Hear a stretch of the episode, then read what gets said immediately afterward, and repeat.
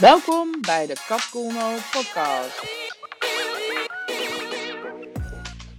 Hey, dit is weer een nieuwe podcastaflevering en vandaag heb ik te gast Sandra. Hey Sandra, wat leuk dat je er bent. Ja, Welkom. dankjewel. Dankjewel voor de uitnodiging.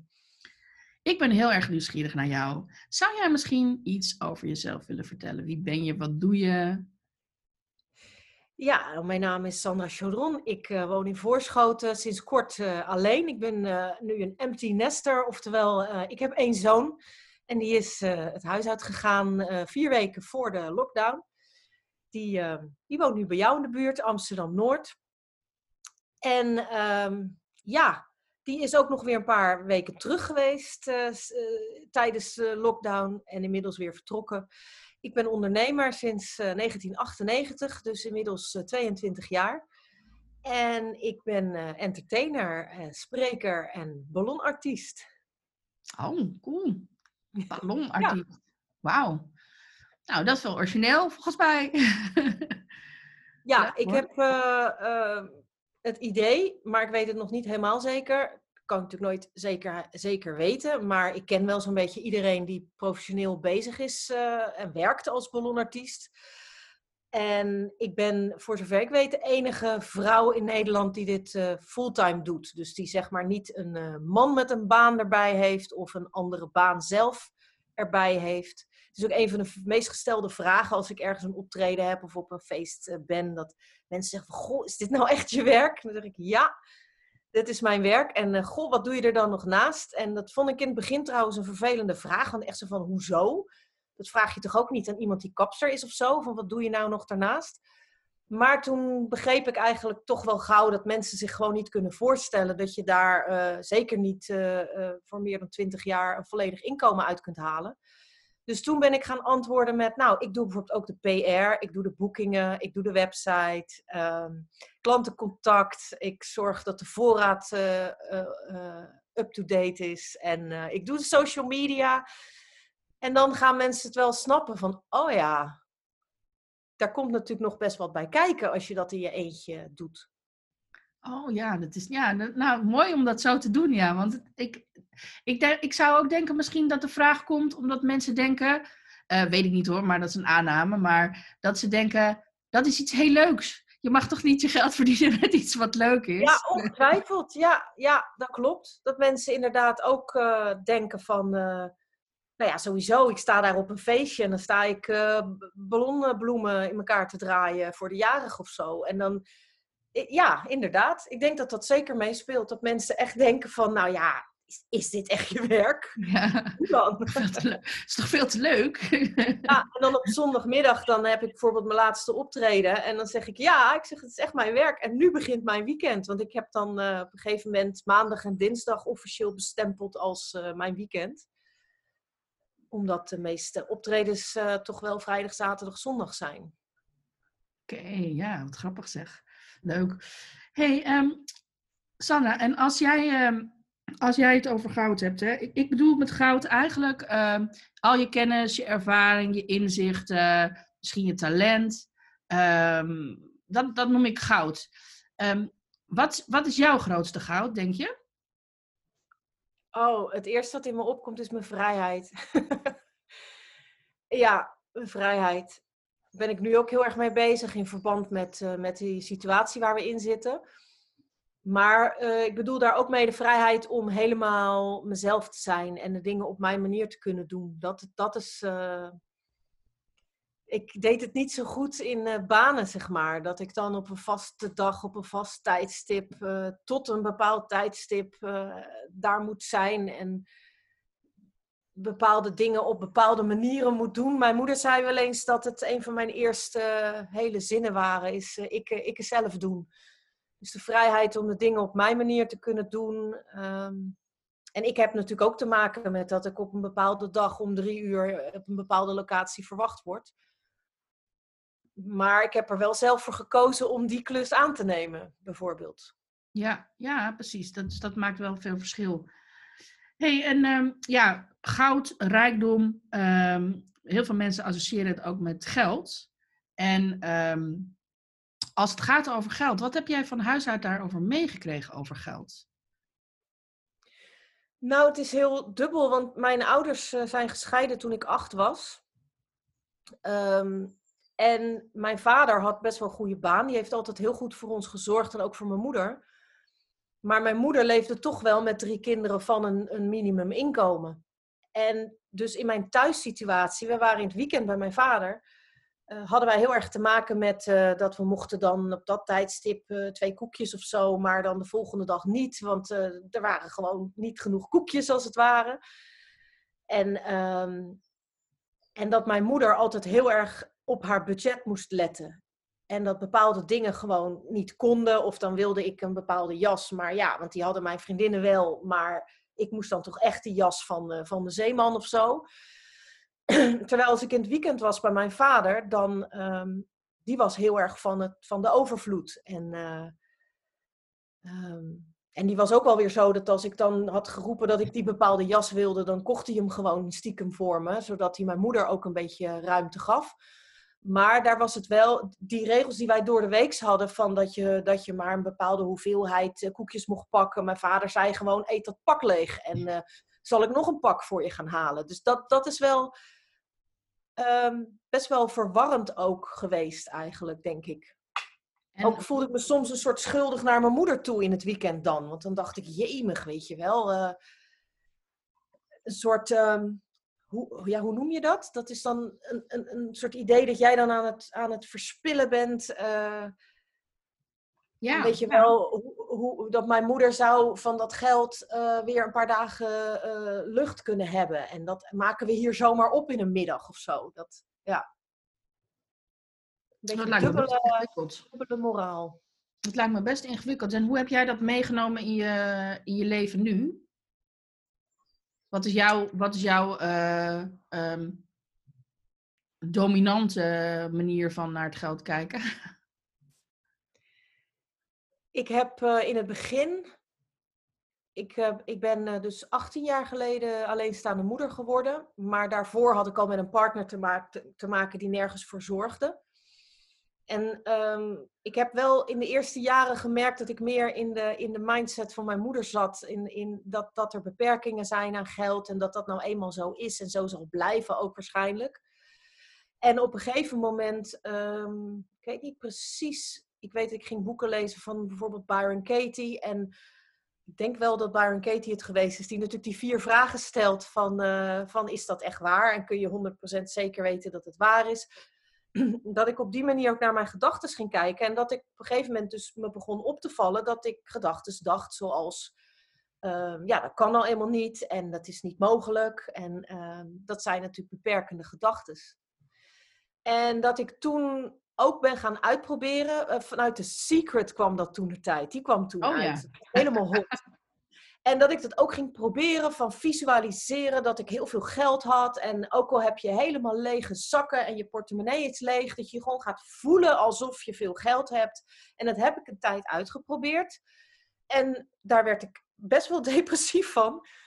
Want als jij dus, ik ging echt de supermarkt in met bijvoorbeeld, dan had ik 20 euro en dan ging ik gewoon echt tellen van wat ik in mijn, karretje deed. Van oké, dan heb ik nu 13,40 euro en dan, oh dat erbij, zal ik het wel of niet doen? Ja, dat heeft mijn zoon echt nodig. Oh, er is ook een goedkopere versie. Dus ik had daar heel erg mee te maken. En als je dan ondertussen loopt te denken van ik heb geld zat, ik heb geld zat. Dat werkt niet. Op, bij mij werkt het niet. Tot ik ineens een aha-moment kreeg en ik het heb omgedraaid naar de gedachte er is geld zat. Want de gedachte ik heb geld zat, die was niet waar voor mij. Daar kon ik me, dat resoneerde gewoon niet, want ik had gewoon heel weinig geld. En um, toen ik ineens dacht, ja, maar er is wel geld zat in de wereld. Er is meer geld dan ik hebben kan. Er is zoveel geld. En ineens ging dat helemaal dat ging helemaal aan bij mij. En mijn zoon die moet er nog steeds om lachen, want dat is echt een keerpunt geweest in mijn money mindset. Dat ik echt heb gedacht van ja, ik weet ook niet hoe het werkt, maar op de een of andere manier komt er altijd weer. Dan was mijn zoon zijn fiets kapot, maar dan kwam er ineens een aanvraag van een festival waar ik twee fietsen van kon kopen. Um, en ik, ik ontspande heel erg in die geldstress, als het ware. Door die gedachten. Op het moment dat er dan weer een belastingaanslag kwam, Of, of er, ging, er kwam weer een rekening van school. Of eh, dan dacht ik gewoon, in plaats van in de stress te schieten van, ah, weer een rekening en heb ik dat weer en hoe moet ik dat betalen, dacht ik dan gewoon, ah, nou ja, ah, er is toch geld zat. En, en, en doordat je zo ontspannen blijft, ben je ook open voor mogelijkheden en uh, zie je kansen bijvoorbeeld. En, en als jij helemaal in de stress zit, dan denk je echt van, uh, ja, dan zit je een beetje thuis in de stress te zitten. En als jij gewoon heel ontspannen blijft en denkt, nou ja, ja, oké, ik heb een vette aanslag en uh, nou ja, geen idee hoe ik dat moet betalen en komt wel goed. Tof. Ja. ja. Mooi hoor, mooi inzicht. hey, en um, als jij geld hebt, waar geef je het dan uh, aan uit? Ik geef mijn geld uh, aan twee dingen het liefst. En dat zijn ervaringen. Dus uh, ik ben niet zo van de spullen. Ik ben wel een kringloopmens. En ehm, bijvoorbeeld qua meubels of, of zelfs kleding. Ehm, maar um, ik hou het liefst, ga ik uit lunchen of, of op vakantie. En heb ik toen mijn zoon 16 werd, een mooie reis met hem gemaakt. En daar heb ik wel, dat heb ik wel een jaar gevoeld, zeg maar, in mijn financiën. Maar dat pak je ons dus nooit meer af. Dat is uh, zo'n geweldige ervaring geweest. Want we gingen door mijn beperkte budget altijd naar uh, twee weken naar de Ardennen en zo. En, dus en mijn, de, zeg maar de andere helft van mijn geld, wat ik het liefst ook doe, is, is investeren in mezelf en, en in mijn business. Maar dat is ook weer in mezelf of in mijn zoon. Dus um, zorgen dat er weer een opleiding betaald is of dat ik uh, nieuwe, ik heb nu een nieuwe MacBook gekocht um, onlangs, eindelijk. ik deed al heel lang met een oude computer en dan tegelijkertijd denk ik, ja, maar ik, ik heb dus nu al zo'n drie maanden geen inkomen meer. En dan denk je, ja, dan ga je toch niet op dat moment een, een, computer kopen. Maar ja, juist wel, want ik ben veel online bezig en ik, had echt, ik was echt beperkt door de oude computer die ik had. Dus ja. ja. Misschien juist wel veel meer doorstromen. Soms, ja, ik denk ook hoor, dat soms dat investeren toch gewoon een goed idee is. Zelfs op momenten ja? dat je denkt van, uh, ai, misschien niet zo handig.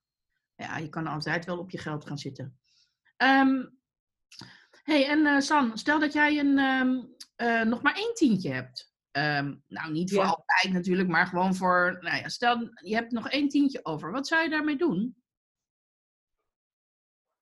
Ja, het is wel grappig. Het eerste wat in me opkwam, wat, terwijl je, als je dit vraagt, is, um, die zou ik aan mijn zoon geven. Maar, oftewel, ik zou hem weggeven, geloof ik. Maar uh, toen dacht ik, nee, ik zou denk ik dan um, toch nog ergens koffie gaan drinken met een heel lekker stuk taart of zo. Dat lijkt me wel wat. Hmm.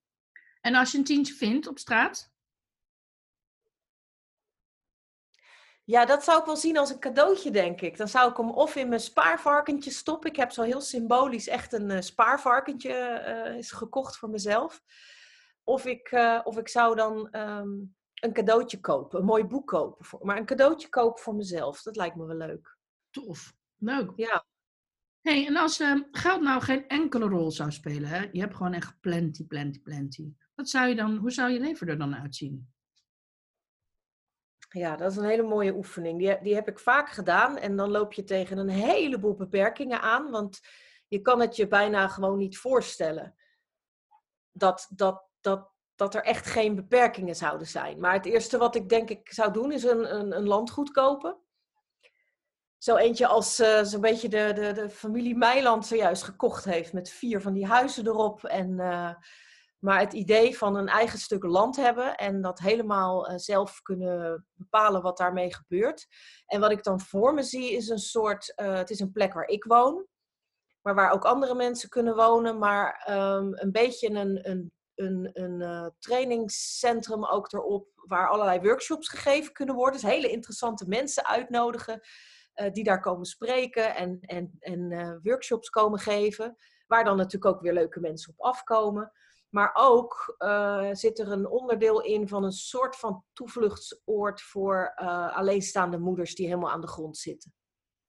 Die zich eindelijk bijvoorbeeld uit een hele, hele ongezonde relatie hebben weten te werken en geen plek hebben. Ja, dat, heb ik meegemaakt. Ik ben niet letterlijk, maar officieel een jaar dakloos geweest met mijn zoon na een eh, scheiding. En eh, toen waren er ook mensen die hun deur openzetten en, en waar wij welkom waren. En, eh, en helaas zijn er eh, te veel vrouwen die in zo, zo, zulke situaties nog terechtkomen. Dus dat lijkt me heerlijk dat er gewoon, dat er gewoon zo'n plek zou zijn waar je dan naartoe kan komen en daar hoef je niks te betalen. En, en je blijft gewoon lekker even twee weken even bijkomen. En dan mag je ook gratis naar die workshops gaan. Oh, cool. Ja, dat, dat, uh, dat lijkt me echt geweldig. Wauw. En ga je dan zelf ook, uh, ga je dan ook lezingen geven? Ja, natuurlijk. Ja. Want dat, dat zit er ook weer in. Dat lijkt me ook zo leuk. Dus zelf ook, uh, ja, er een soort training. Ik zou er denk ik ook wel een, een um, iets aanhangen van ja, niet, ja, ik ben geen therapeut, maar een soort van sessie, ja, zoals ook een gesprek kan hebben met jou. Maar dat, dat als zo'n vrouw binnenkomt, dat, dat ze ook gewoon een verhaal kan doen en, en uh, ik er tips kan geven. En in die twee weken gewoon dat ze het maximale uit die twee weken kan halen of zo. Tof. Zoiets. Nou, ik hoop dat het er komt. Het lijkt me geweldig. Ja, het zou echt mooi zijn, hè? Ja. hey, en um, wat maakt jou rijk? Wat mij echt uh, rijk maakt, is denk ik mijn um, dankbaarheid en waardering. Dat ik elke dag, sinds een aantal jaar, ben ik bezig met dagelijks uh, uh, dankbaar zijn voor de dingen die ik heb. Dus het is, het is mijn mindset, ja. Het is mijn mindset die mij uh, echt multimiljonair heeft gemaakt. cool, cool. Multimiljonair ja. mindset. Ja, I love it. Hey, en um, um, ja, ik neem aan dat je ook je inspiratie wel ergens vandaan haalt. Um, wat is jouw favoriete boek en waarom? Ja, ik heb natuurlijk Byron Katie al eerder genoemd. Dat vind ik echt een aanrader voor iedereen die haar nog niet kent. De uh, Work, de vier vragen. Maar um, ik wil toch uh, kiezen voor uh, Verslaafd aan Liefde. Dat is het boek van Jan Geurts. Zijn meest verkochte boek. Ik heb van de week nog een um, podcast geluisterd van uh, Giel Belen, waar uh, Jan Geurts wordt geïnterviewd.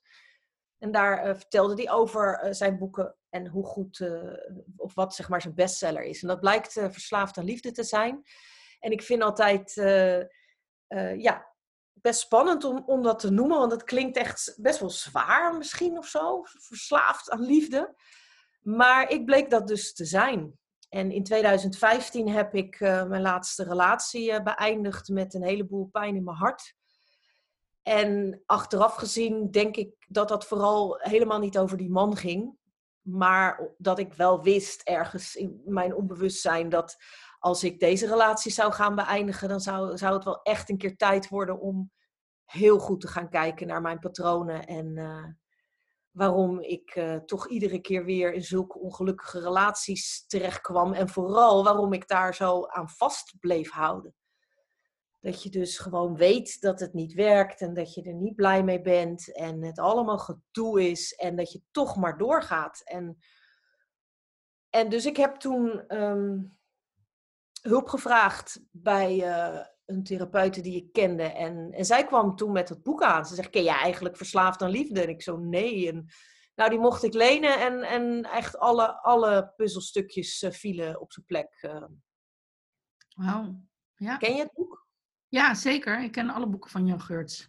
Um, Oké, okay, ja. Ik, het, ik weet niet of zijn eerste boek, uh, De Opluchting heette dat volgens mij. Meer ja. dan twintig jaar geleden gelezen. dat ging over, over roken. Ja, dat is de enige die ik niet gelezen heb, omdat ik al lang gestopt ben met roken. Dus ja. ja. Dat was omdat ik een relatie had met iemand die nogal veel rookte.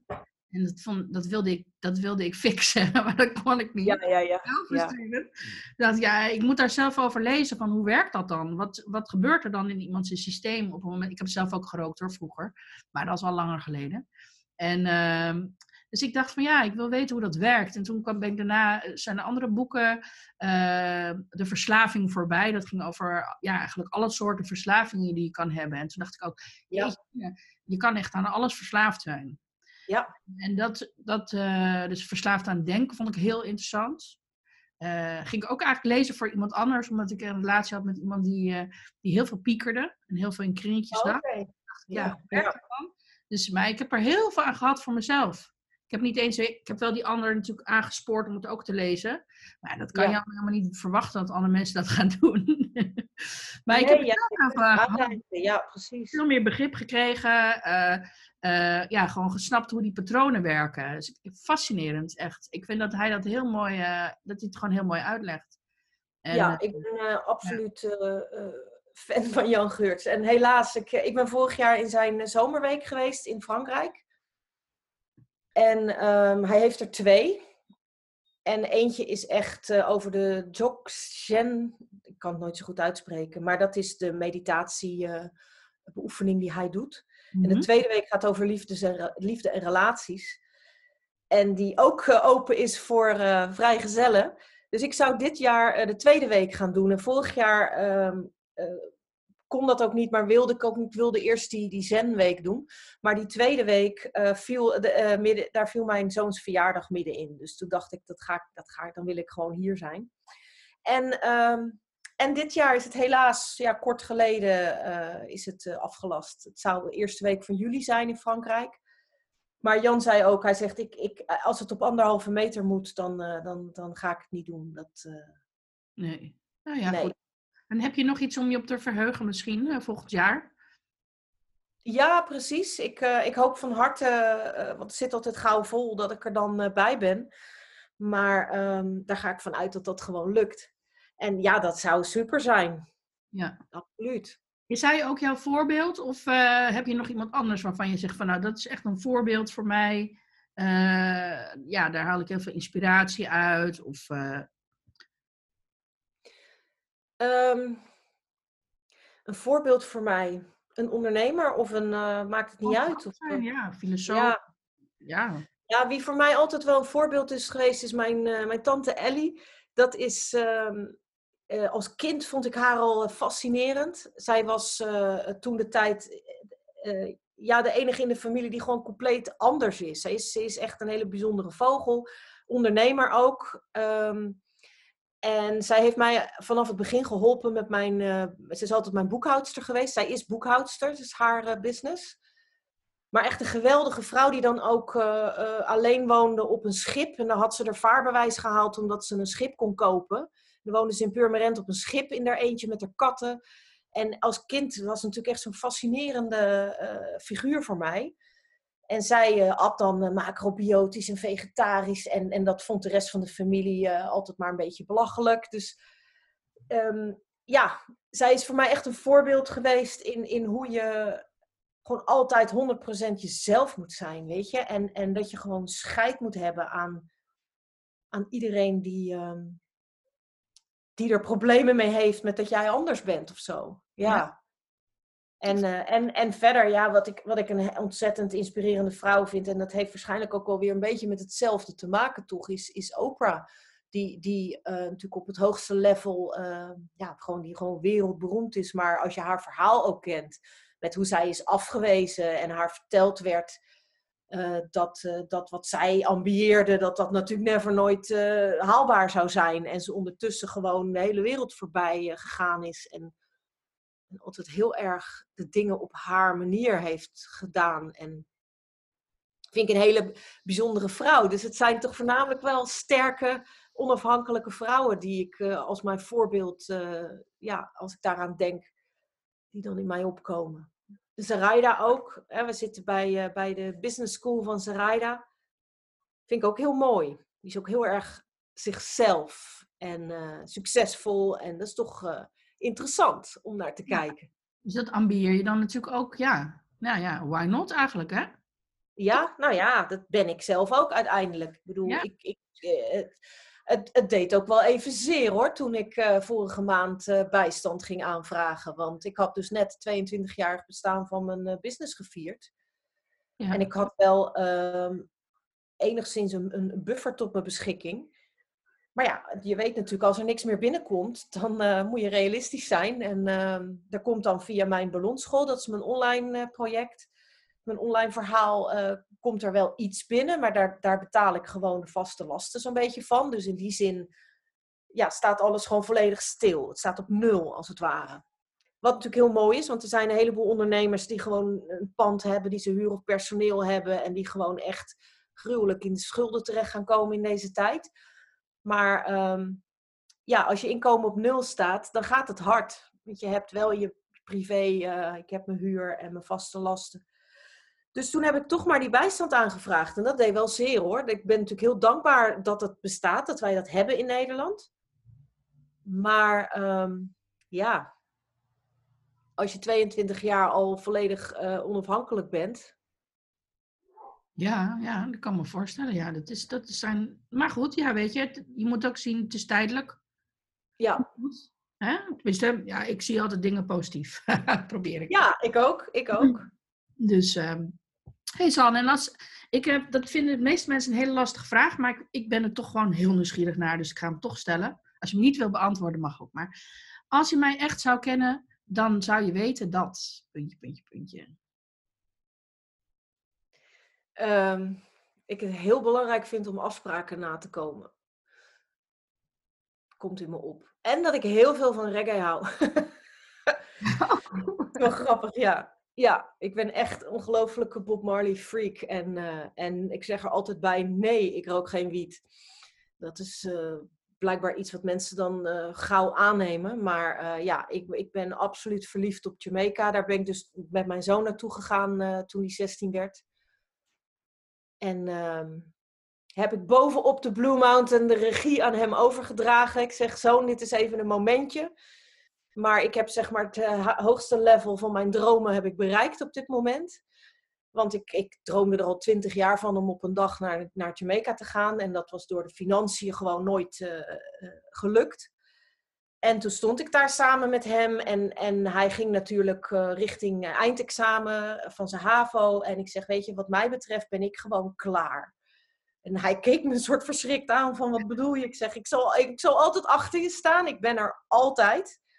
Maar um, jij uh, bent zo goed bezig en zo'n sterke jonge man geworden. En, en je mag het gewoon helemaal zelf weten nu. En uh, ik zeg maar, ik hou je wel in de gaten. Ja, maar het is, laatst was er ook iets met, ik had een Zoom-meeting georganiseerd en uh, dat heb ik de, de wereld ingegooid. Dat stond op de ballonschool en zo. En toen appte een kennis mij van, uh, want ik zei, ja, ik was dus niet lekker die dag. En toen appte zij mij van, ja, maar gaat, oh, ga, gaat de meeting dan wel door? Zo van, zo van, ja, die zou je ook af kunnen zeggen. En, en ik echt zo, ja, natuurlijk gaat die door. Ik bedoel, dan moet ik echt, echt ernstige koorts hebben of zo, weet je. Maar ik was gewoon, ik zat in een dip als het ware. Dus ik, ik had, ik, ik, ja, ik was niet up die dag. Maar ik was niet ziek. En ik, had, ik merkte dat ik echt een soort geïrriteerd was van, ja, maar hoezo? Weet je wel? Als ik zeg dat ik iets doe, ja, dan doe ik het dus ook gewoon echt. En daar ben ik wel heel bloedserieus in. Oké, okay. ja, nou, dat is wel handig om te weten, denk ik. ja, daarom zeg ik ook niet gauw, dat is een heel belangrijk iets om eraan toe te voegen. Ik beloof zelden iets aan mensen. Ah, ja, ja, ja, snap ik. Want, ja, weet je, en gewoon vanuit het idee, ik moet dus wel zeker weten, dus als ik iets beloof, bijvoorbeeld tegen aan mijn zoon van, joh, ik ga jouw studie betalen, dan zeg ik ja, het is wel afhankelijk van hoe het financieel loopt natuurlijk. Maar mijn intentie is absoluut om jouw studie te gaan betalen. En, maar dat weet hij natuurlijk, hij weet dat natuurlijk uh, wel heel goed, dat ik uh, me aan afspraken hou. Als ik, maar als ik zeg dat ik iets doe, dan doe ik het. En ik snap er ook werkelijk waar helemaal niks van, dat er mensen zijn die die dan, dan kunnen zeggen, ja nee, dat doe ik en dan ben ik er en zo. En dan gewoon niet opkomen dagen. En dat dan ook zo luchtig van, oh ja, nee, uh, ja, nee, er kwam, een, ja, er kwam iets voorbij of zo. Oké, okay, dat kan gebeuren, maar dan, dan bel je toch even of zo. Of... Maar goed, hmm. Ja, dat is wel een dingetje bij mij. Ja, ik, ik merk het, ja. Mooi toch? Ja. Nou, het is in ieder geval, dat is ook fijn dat dingen helder zijn, denk ik.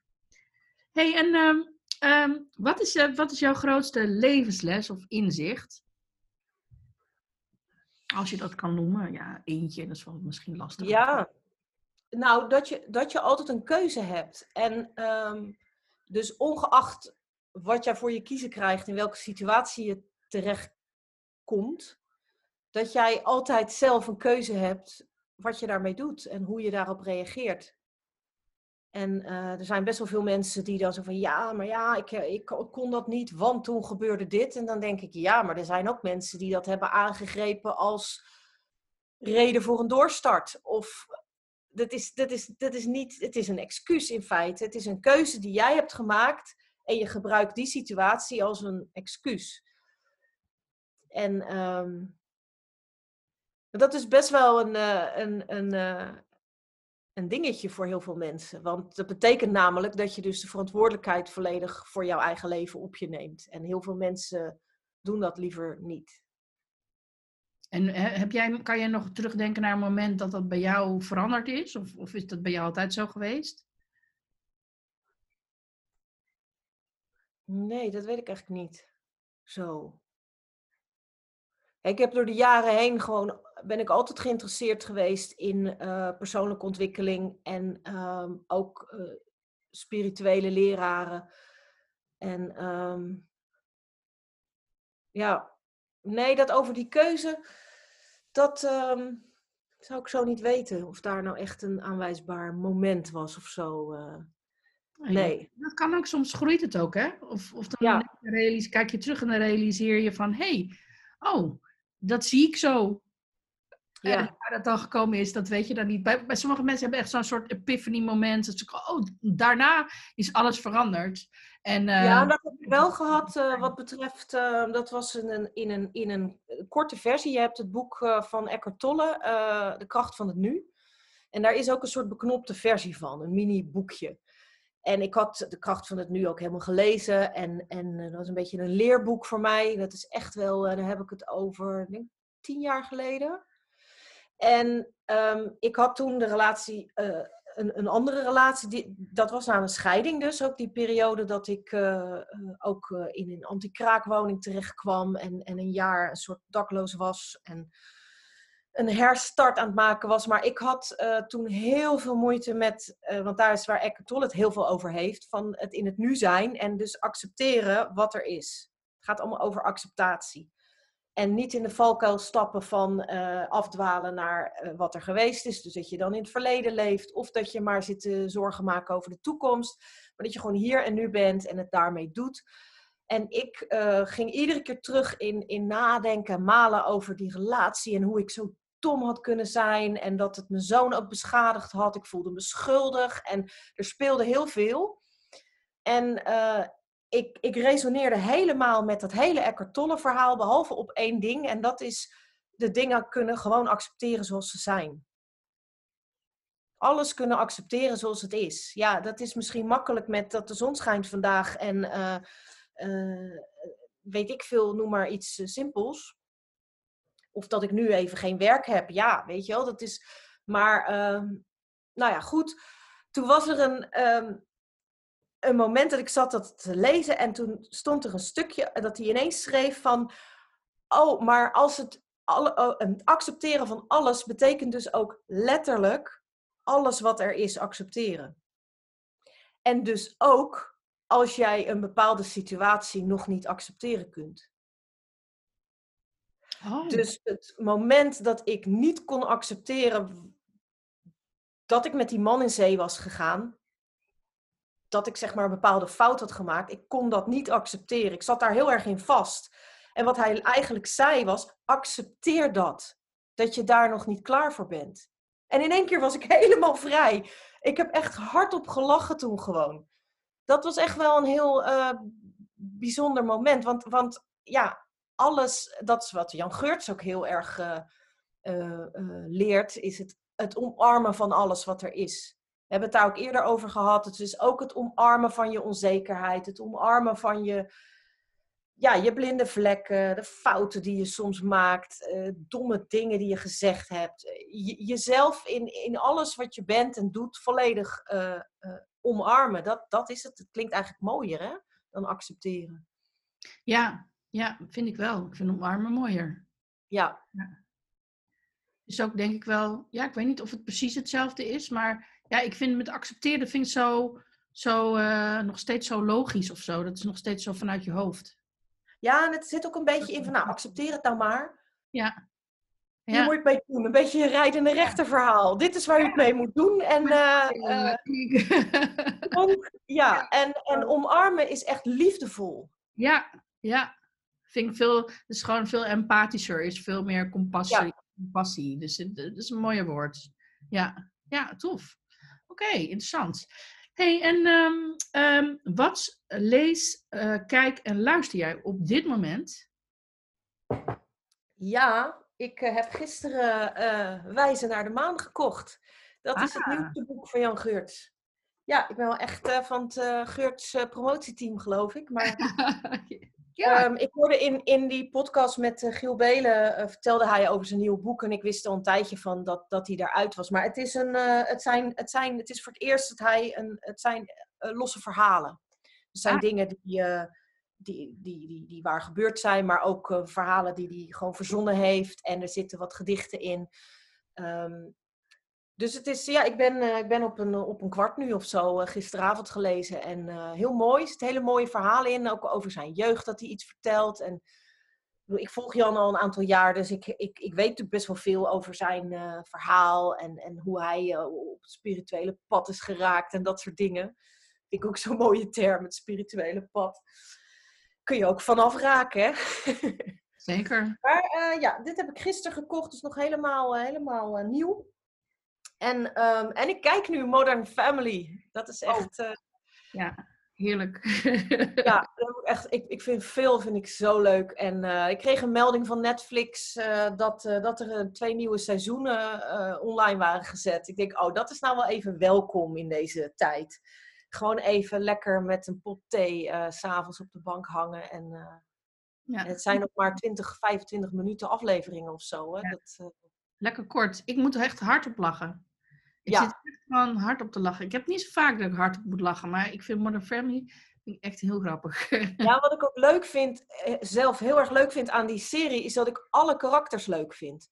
Je hebt ook wel eens series waar je gewoon een bepaalde favoriet hebt en dan, en dan switcht het daar naar een deel in het verhaal waarvan je denkt, ja, maar ik vind zeg maar al die gezinnen en, die, en ook die, die vader met, met, met uh, Gloria en ik vind ze gewoon, ik vind ze alle, alles zit er ook in. Hè? Het is heel slim gemaakt. Alles zit erin. Een samengesteld gezin, een, een gay couple, uh, een traditioneel gezin en... En dan zie je weer die verbindingen tussen die drie kinderen bijvoorbeeld, die dan inmiddels zo'n beetje volwassen zijn. En ja, vind ik heel erg leuk. Het is ook al seizoen 9, dus ik heb natuurlijk al aardig wat in het verleden naar ze gekeken. Ja, dus dat wordt dan ook een beetje je familie. Tenminste, dat heb ik met dat soort dingen wel. Soms kan je daar zo helemaal in, kan je er helemaal induiken. Uh, vind ik wel leuk. Maar dit is ook, ja. ik, hou ook, ik hou heel veel van dingen met inhoud, maar af en toe is gewoon luchtigheid ook even lekker. Ja, echt wel, ja. Een beetje, beetje, beetje lucht, een beetje humor. Dat is wat jij eigenlijk ook brengt in je werk. Hè? Ja, inderdaad. Um, en, uh, maar, en wat, uh, wat luister je qua muziek of qua podcast of qua... Je had het net over Giel Belen, maar zijn er nog andere waarvan je zegt van nou, die, dat is echt de moeite? Ja, van Giel Belen wist ik helemaal niet dat hij een, uh, een podcast had. Maar het is dat ik voorbij zag komen ergens dat, dat hij Jan Geurts de gast had gehad. En dan vind ik dat wel interessant. Maar ik, ik, ik luister al jaren naar de Eindbazen. Dat vind ik een hele goede podcast. Die hebben toch altijd hele interessante gasten. Heel, heel divers ook. Laatst bijvoorbeeld uh, vond ik een hele mooie aflevering van die man die tien jaar in Marokko vast heeft gezeten, maar uh, onschuldig. Een heel interessant verhaal is dat, ik weet zijn naam even niet. Maar um, ja, en voor de rest luister ik heel veel Abraham Hicks. Dat is toch wel echt ehm, een beetje een een gewoonte geworden.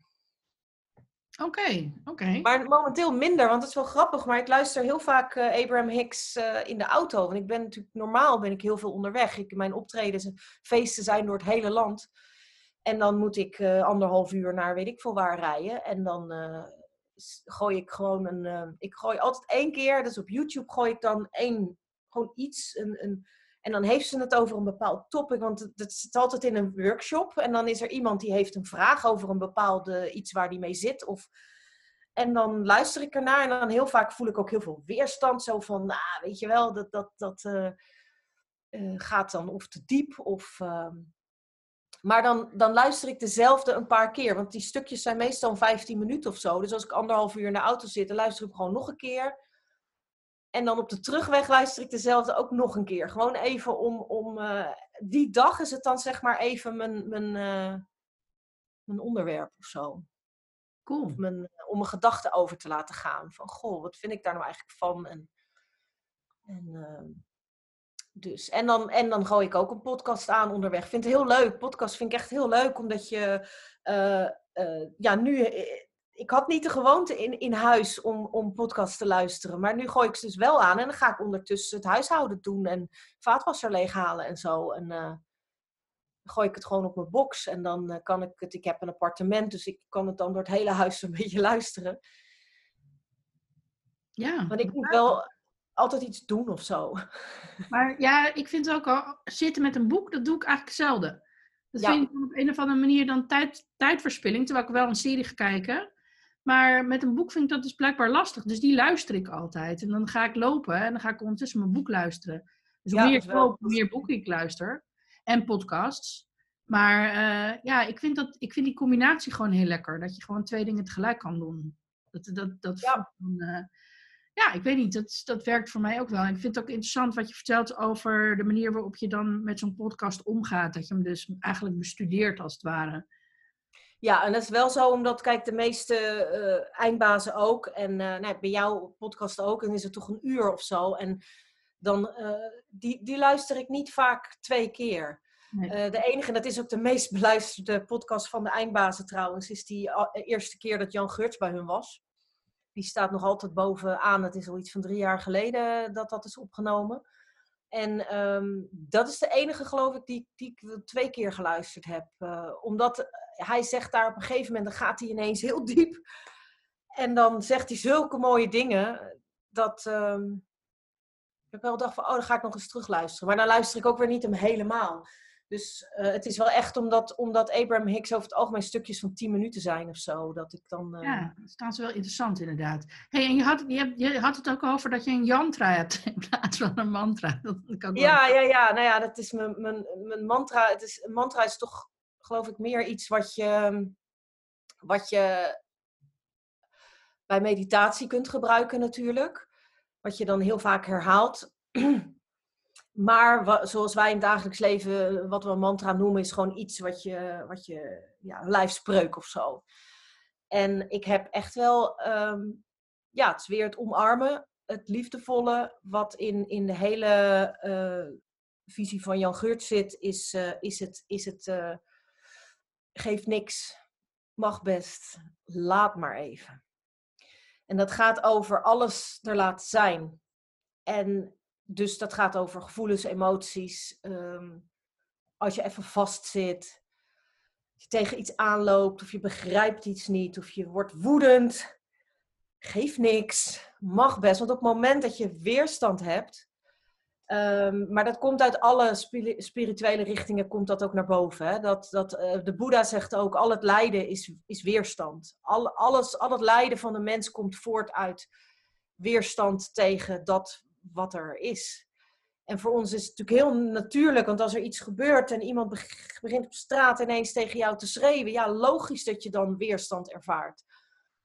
Maar ehm, ja, ook dan kun je zeggen, ik had het laatst trouwens, de man hier in, in het dorp, die begon op straat tegen me te schreeuwen ineens. Want ik fietste blijkbaar op een plek waar ik niet mocht fietsen en dat wist ik niet. En ik, en, en ik werd heel, ehm, heel kwaad eigenlijk, want ik, ik voelde me echt een soort beledigd van, van wie denk jij in hemelsnaam dat je bent, dat je midden op straat eh, tegen mij kan gaan staan gillen hier. Je kan toch ook gewoon zeggen, mevrouw, u mag hier niet fietsen.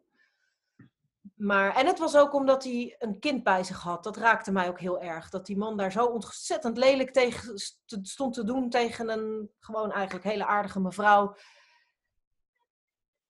En wat een invloed dat toch ook op, dan op dat kind heeft, hè? Dat, ehm, ja. Per se het goede voorbeeld, nee. Nee, dat, dat, eh, ja, als mensen aan kinderen of aan dieren komen, daar kan je mij, echt, daar kan je mij wel echt eh, mee, eh, mee aanzetten. Dan, ehm, ik, zei, ik zei altijd tegen mijn zoon van, eh, dan komt een leeuwin in mij eh, naar boven. Dat, eh, Ja, nou, dat is ook Ik mooi. word dat niet gauw boos, maar dat is ook een mooie eigenschap, toch? Een Ja. Beschermend zijn. hey, en ehm, ehm, heb jij een advies voor de, voor de luisteraars van deze podcast? Of een tip? Of een, ja, wees, wees, wees lief voor jezelf en zorg goed voor jezelf.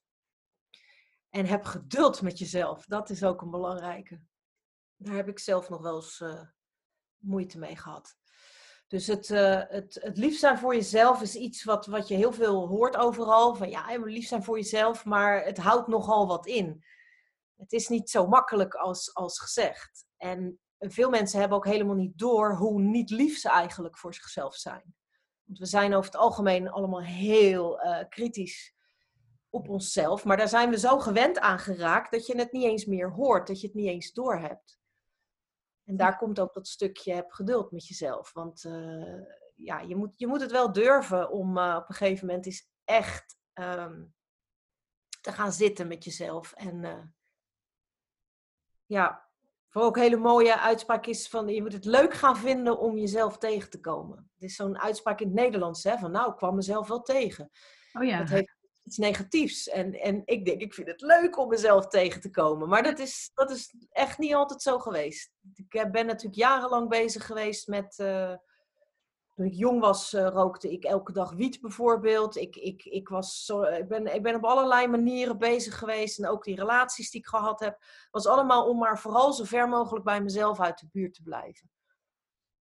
En, ehm, en dat is toch best wel erg eigenlijk, dat je dan jezelf niet tegen wil komen. Durft te komen ook, is het vaak. ja, ja, zeker. Wat, wat, is, eh, wat is iets wat jij zou willen overbrengen aan eh, ja, vrouwen zoals jij was?